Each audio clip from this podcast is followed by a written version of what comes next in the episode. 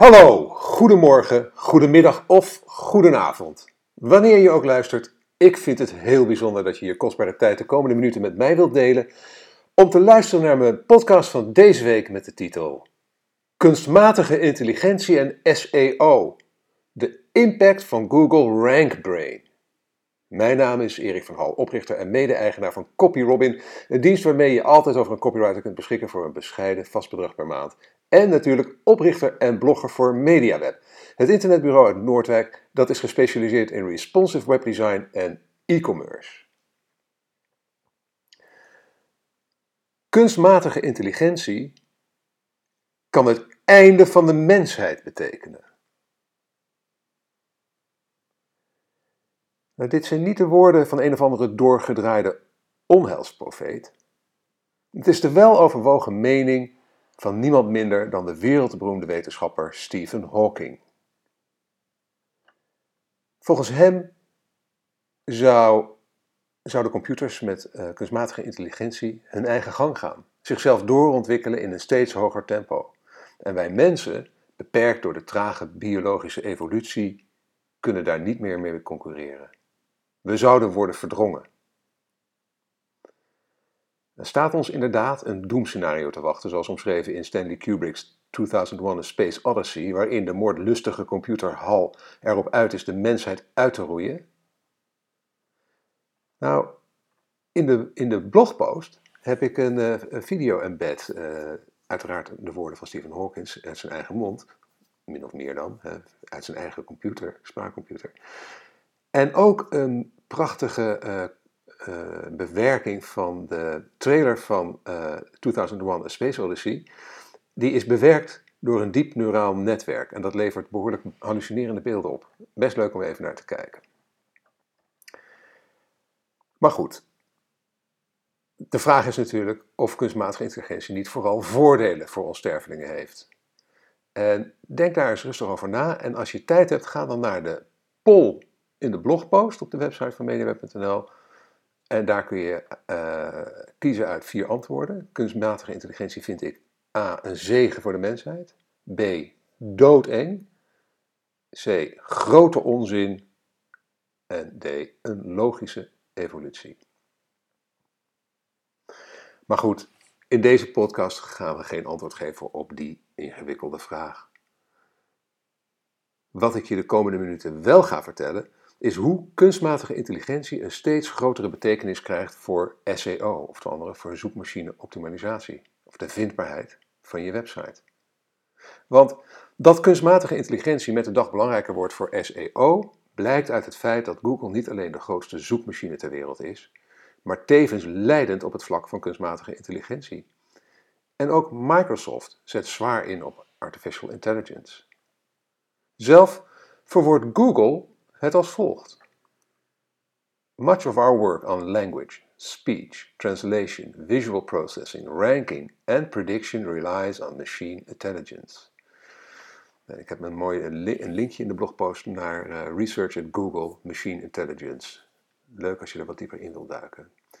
En een embedded video uh, waarin um, een presentatie van Greg Corrado, de senior research scientist van Google, over deep learning en uh, wat het betekent voor, uh, voor Google en voor zoekmachines.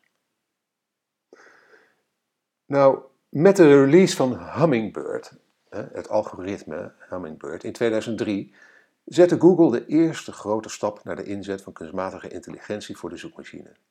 Met Hummingbird werd het belang van individuele zoekwoorden minder, maar het verband binnen wat langere zoekzinnen juist groter. En in januari 2014 kocht Google het Britse bedrijf DeepMind voor 400 miljoen dollar. DeepMind was ooit begonnen als een soort gimmick. De software leerde zichzelf om simpele spelletjes steeds beter te spelen. Maar de software werd daarin zo goed dat het bedrijf werd opgeslokt door Google. En nu gebruikt Google de technologie van DeepMind onder andere om YouTube-video's en advertenties intelligent te targeten. Maar in de loop van 2015 rolde Google RankBrain uit en zetten daarmee nog sterker in op kunstmatige intelligentie voor het genereren van betere zoekresultaten. Met name bij zoekopdrachten die Google voor het eerst ziet En dat is momenteel zo met zo'n 15% aanzienlijk. want bij in totaal zo'n 3 miljard dagelijkse zoekopdrachten praat je dan over 450 miljoen onbekende zoekopdrachten per dag. Dus zoekopdrachten die Google voor het eerst ziet. En die vindt hij vaak veel moeilijker om te verwerken. Nou, RankBrain gebruikt kunstmatige intelligentie om enorme hoeveelheden geschreven taal om te zetten naar mathematische taal, oftewel vectors. En dit is een taal die computers kunnen interpreteren. Nou, zodra de zoekmachine teksten tegenkomt die hij niet kent, raadt RankBrain welke woorden of zinnen een vergelijkbare betekenis kunnen hebben. Dit stelt Google in staat om slimmer om te gaan met nieuwe zoekopdrachten. En de technici van Google voeden RankBrain steeds meer bekende zoekopdrachten om RankBrain als het ware te trainen. En dit gebeurt achter de schermen, offline. En pas wanneer de technici tevreden zijn met de uitkomsten, krijgt RankBrain een update en merken we het in de echte zoekresultaten. Dit is een continu proces. Nou, RankBrain is een van de honderden rankingsignalen in het zoekalgoritme van Google. Maar in slechts een paar maanden tijd heeft het zich ontwikkeld tot het op twee na belangrijkste rankingsignal. Al dus Greg Corrado, uh, alweer, senior research scientist bij Google. En in de blogpost heb ik een linkje naar een interview met hem uh, met Bloomberg. het is een video. heel interessant om naar te kijken. Maar wat zijn dan twee, de twee nog belangrijkere ranking signals? Hè? Dat kun je je afvragen. dat zeggen ze er niet bij bij Google. Maar SEO-experts gaan ervan uit dat links, hè, dus inkomende links, de belangrijkste ranking factor is nog steeds, gevolgd door woorden, door trefwoorden, zoekwoorden, door tekst. Greg Corrado zei tegen Bloomberg dat het een zeer groot deel van de zoekopdrachten wordt verwerkt door RankBrain. Een preciezer antwoord wil Google niet geven. Maar dat Google zoveel gewicht toekent aan een relatief nieuw onderdeel van het zoekalgoritme toont aan dat RankBrain goed werkt. Volgens oprichter en voormalig CEO van Moz, Rand Fishkin, gebruikt Google momenteel zowel de traditionele rankingfactoren als machine learning technieken. Hij gaat ervan uit dat kunstmatige intelligentie het uiteindelijk gaat winnen van de traditionele factoren, omdat het betere resultaten oplevert. Nou, wat betekent RankBrain nu voor mijn website, zul je je misschien afvragen? Nou, ik weet niet of je de afgelopen tijd wel eens is opgevallen dat een webpagina hoog scoorde in de zoekresultaten van Google, maar dat je niet goed begreep waarom. De pagina was wel relevant, het was wel een goed zoekresultaat, maar als je naar de titel, de URL en de tekst bekeek, dan bevatte die niet in dezelfde mate de juiste zoekwoorden als lager scorende pagina's. Misschien heb je dat afgelopen tijd eens een keertje gedaan. Ik wel, en het is me al vaker opgevallen. En misschien vroeg je net als ik dan af op zo'n moment van, hoe doen ze dat? Nou, het antwoord op die vraag ligt vrijwel zeker bij de toenemende invloed van RankBrain op de zoekresultaten. Kunstmatige intelligentie werkt namelijk fundamenteel anders dan de traditionele rankingfactoren van Google.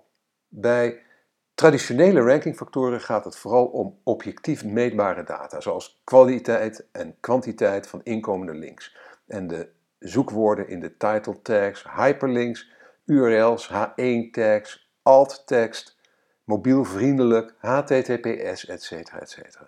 Het zijn er honderden. Nou, dit zijn bovendien zaken waarvoor we goed kunnen optimaliseren. Er is niet voor niets een gigantische SEO-industrie omheen ontstaan. Nou, SEO-deskundige Danny Dover legt uit dat de kunstmatige intelligentie van RankBrain op heel andere zaken let dan de traditionele rankingfactoren. Kunstmatige intelligentie zoekt naar de ware bedoeling achter de gebruikte woorden. RankBrain leert als het ware continu van het daadwerkelijke gedrag van de gebruikers van de zoekmachine. Denk daarbij aan gedrag dat indicatief is voor de tevredenheid van de bezoeker met een bepaald zoekresultaat. Dat zijn zaken als: blijft iemand weg na een klik of komt hij gelijk weer terug? Of in welke mate blijft iemand doorzoeken met aanvullende gerelateerde zoekopdrachten? Of in welke mate is de bezoeker betrokken bij de zoekresultaten? En dat is weer data, klikdata, uh, gebruikdata die, ze, uh, die Google weer uit uh, de Chrome browser haalt. En hoe jij, ja, wat je zelf allemaal in die, in die browser uitspookt. En wat is de doorklikratio voor alle zoekopdrachten? En zijn er andere tekenen van betrokkenheid bij de content, zoals comments en social shares? Nou, daar komt bij dat niet mensen, maar computers de code schrijven. Niet mensen, maar computers schrijven de code. En dat 24 uur per dag, 7 dagen per week. Dit is een proces dat zichzelf voortdurend versterkt en daarmee versnelt. Hierdoor is het heel moeilijk, maar wellicht niet onmogelijk. En eh, op die woorden heb ik een linkje naar een interessant artikel, maar wel eh, eh nou, voor de nerds onder ons een interessant artikel over SEO. Uh, ja, eigenlijk over het zelf weer schrijven van, van code die, um, die ook met, met kunstmatige intelligentie uh, weer leert van, van van de, de veranderingen uh, door weet het, RankBrain, onder andere. Nou, heel technisch, maar wel interessant, zeker als je techniek spannend vindt. Maar het is dus heel moeilijk en misschien wel onmogelijk om de zoekresultaten te ontleden en de inhoud van je website daarop aan te passen. Alle traditionele vormen van SEO staan daarmee op de tocht. Kijk, op dit moment zijn inkomende links en een goede on-page optimalisatie van je content nog heel belangrijk voor je SEO. Maar de komende tijd zal dat snel gaan veranderen. SEO wordt nog meer dan voorheen een kwestie van bezoekersstatistieken dagelijks analyseren en daarop sturen met je content. Belangrijke metrics zijn daarbij alle zaken die duiden op de mate van betrokkenheid van de bezoeker met de gevonden content. Denk daarbij aan de gemiddelde tijd die een bezoeker op een pagina blijft ten opzichte van de hoeveelheid content op die pagina. Doorgaans betekent een langere gemiddelde verblijfsduur een grotere tevredenheid. De hoeveelheid social shares van een pagina is ook indicatief voor de kans dat een pagina het goed zal gaan doen in de zoekresultaten. En de mate waarin bezoekers gebruik maken van interne zoekmachine, als die aanwezig is, eveneens. Want dat kan erop duiden dat ze niet vinden wat ze zoeken. Dus vinden de mensen wel wat ze zoeken? En het gemiddeld aantal pagina's per sessie, gerelateerd aan het type content en de lengte daarvan, telt ook mee. En dat betekent dus, er zijn natuurlijk websites met heel veel, uh, waar je heel veel de foto's klikt. Dus dan heb je heel snel, en, en, veel webshops met heel veel producten, dan heb je natuurlijk heel vaak heel veel page views. Maar heb je een website, een blog met lange artikelen, uh, en je hebt toch ook nog aardig wat page views en een lange verblijfstijd, ja, dan doe je het goed. En dat zijn echt metrics waar ik met een MediaWeb-blog sterk op stuur. Goed. Het meest simpele advies: herken de content met een hoge mate van betrokkenheid van de bezoekers en maak daar meer van. Eigenlijk is SEO straks helemaal niet meer zo moeilijk. Integendeel. Zorg dat je goede, waardevolle content maakt voor echte mensen en denk niet meer na over SEO best paradoxaal. Hoe meer machinegestuurd de zoekmachine werkt, hoe meer mensgericht je content moet zijn om goed te scoren. En dat vind ik eigenlijk wel een prima ontwikkeling. En een ontwikkeling waar ik met mijn nieuwe bedrijf CopyRobin, en daar ga ik nu even een reclamespotje voor, maken, op inspel. Want wil jij intelligent omgaan met je vindbaarheid in Google? CopyRobin helpt. Want met CopyRobin heb je altijd een webredacteur of copywriter bij de hand. Vanaf 79 euro per maand. En ik nodig je van harte uit om CopyRobin vrijblijvend te proberen. Ga daarvoor naar http://copyrobin.nl en plaats een gratis proefopdracht.